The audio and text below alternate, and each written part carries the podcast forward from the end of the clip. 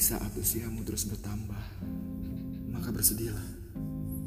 Itu artinya dia telah mengambil waktumu untuk dimintai pertanggungjawaban atas apa yang telah kita lakukan di dunia. Sanggupkah kita untuk memberi jawaban atas semua pertanyaannya di akhirat nanti? Bagaimana dengan surat cintanya yang ada di dalam lemarimu? Sudahkah dibaca hari ini?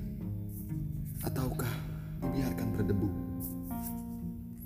Bagaimana perasaan hatimu jika mendengarkan ayat-ayat cintanya? Apakah menenangkan atau meresahkan?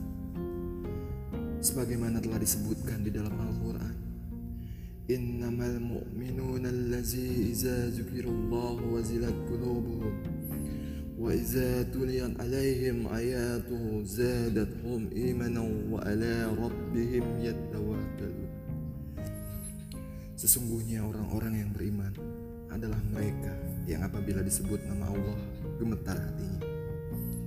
Dan apabila dibacakan ayat-ayatnya kepada mereka bertambah kuat imannya dan hanya kepada Tuhan mereka bertawakal.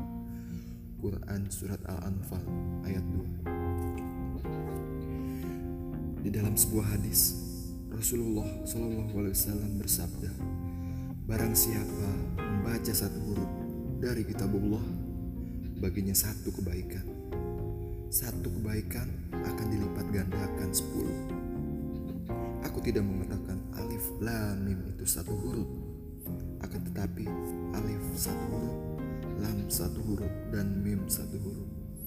Hadis riwayat Tirmizi nomor 2915.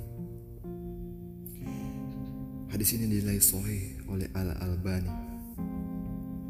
Bukankah mudah untuk mendapatkan kebaikan darinya?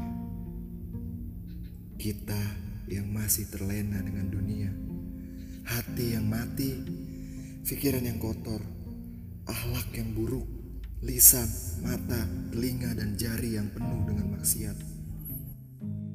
Tak sadarkah kita bahwa nikmatnya begitu besar